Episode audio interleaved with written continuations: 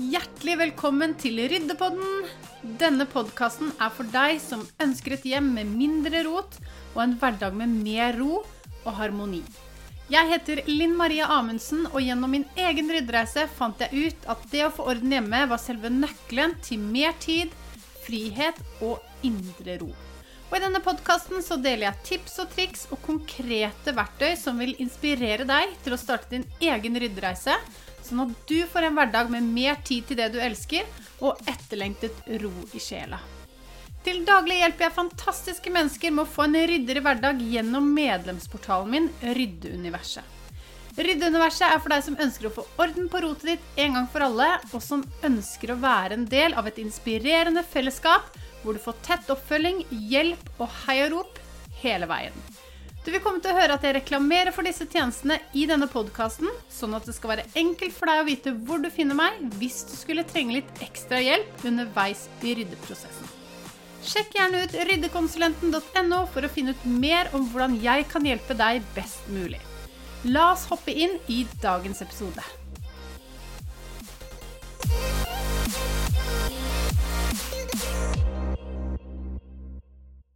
Velkommen til dagens episode av Ryddepodden, hvor vi skal snakke om at det rett og slett bare er å starte et sted når vi skal rydde. Det høres kanskje vanskeligere ut enn det er, og det skal vi snakke litt om. Eh, men vi trenger ikke alltid å gjøre det så himla komplisert med liksom to do-lister eller en detaljert plan. Noen ganger så er det rett og slett bare å hoppe i det. Og jeg vet som sagt det er lettere sagt enn gjort, men er det én ting jeg vet, så er det at veldig mange, kanskje du også, syns det er et ork å ta tak i rotet. Det til tross for at vi vet at det lønner seg å gjøre det. Og jeg tror noe av grunnen til at vi ikke tar tak i det, er fordi vi overtenker prosessen, og da ender vi fort opp med mange overveldende tanker. Og tenker liksom at jeg må få oversikt over alt jeg skal rydde. Jeg vet ikke hva jeg skal gjøre med alle tingene jeg har i boden. Jeg skjønner ikke hvor jeg skal starte. Altså, vi har mange spørsmål og tanker rundt dette med å, å rydde og komme i gang med ryddingen, og da ender det ofte opp med at vi ikke kommer i gang i det hele tatt. Og det kan jeg relatere til. Det var jo sånn det var for meg også, før jeg på en måte kom meg ordentlig i gang med denne ryddeprosessen. Men greia er at ofte så trenger du ikke en detaljert plan på hvor eller hvordan du skal rydde. For ofte så handler det som sagt bare om å starte. Fordi det spiller egentlig ingen rolle hvor du starter. Det viktigste er at du starter.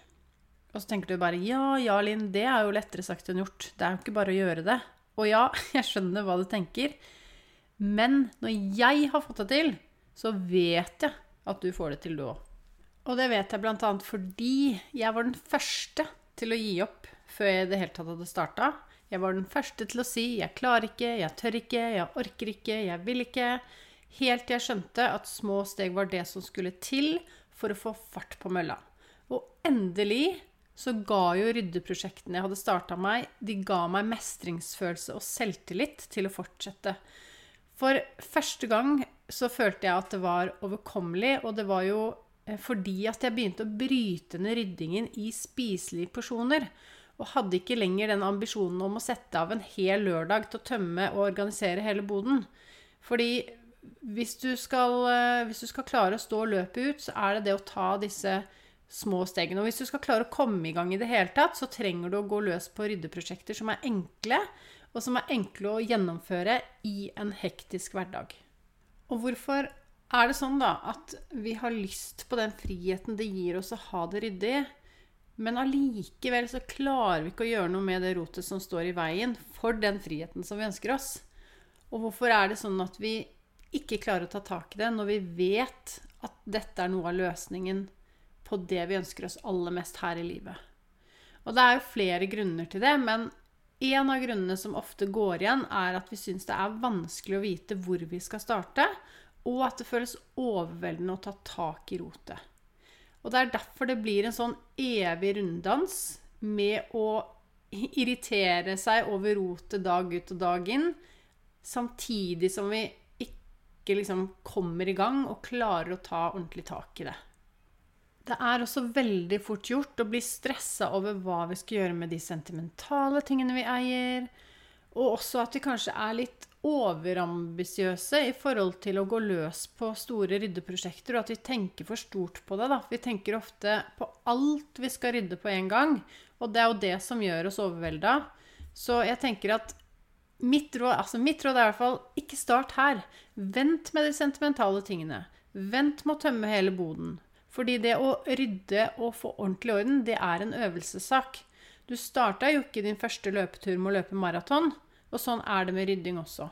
Vi starter i det små, vi bygger sten på sten, og så utvider vi etter hvert som vi føler oss klare for å gå løs på større ryddeprosjekter.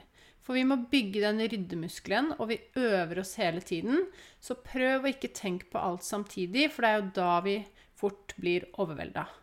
Så start heller med noe som føles enkelt, noe som føles overkommelig, og noe som gir deg mestringsfølelse, og ikke minst motivasjonen du trenger for å holde det gående.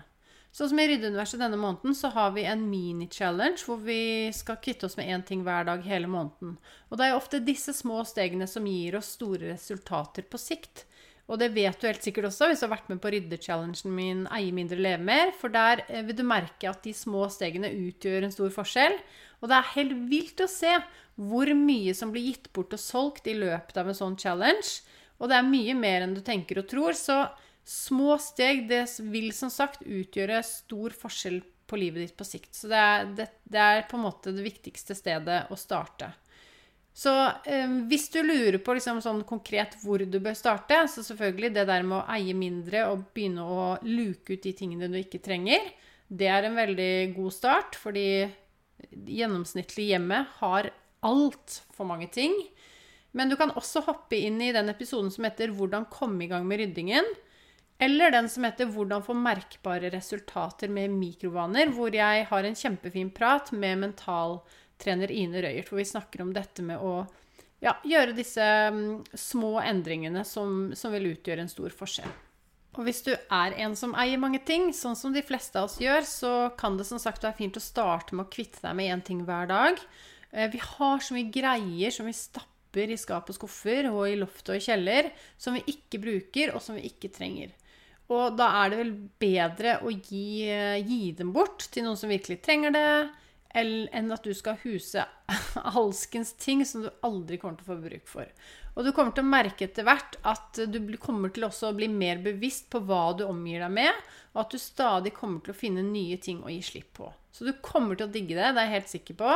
Så som sagt, det viktigste er bare å komme i gang og så tar du det derfra. Ikke tenk på alt samtidig. Dette kommer til å gå helt fint. Så vit at jeg heier masse på deg, og hvis det er noe du lurer på, så vet du hvor du finner meg. Da finner du meg på Instagram, eller bare send meg en mail. Så skal jeg uh, hjelpe deg videre på veien. Jeg håper at dagens episode var nyttig for deg, og at du ble inspirert til å starte din egen ryddereise. Og hvis du likte det du hørte, så blir jeg veldig glad hvis du deler i sosiale medier at du hører på denne podkasten. Og tagg meg gjerne med at ryddekonsulenten, sånn at jeg kan si hei til deg og takke deg for at du deler. Du finner meg under navnet Ryddekonsulenten på Instagram, Facebook og TikTok. Og jeg vil bare si tusen takk for at du hørte på episoden, og lykke til med din ryddereise. Jeg heier på deg. Vi høres.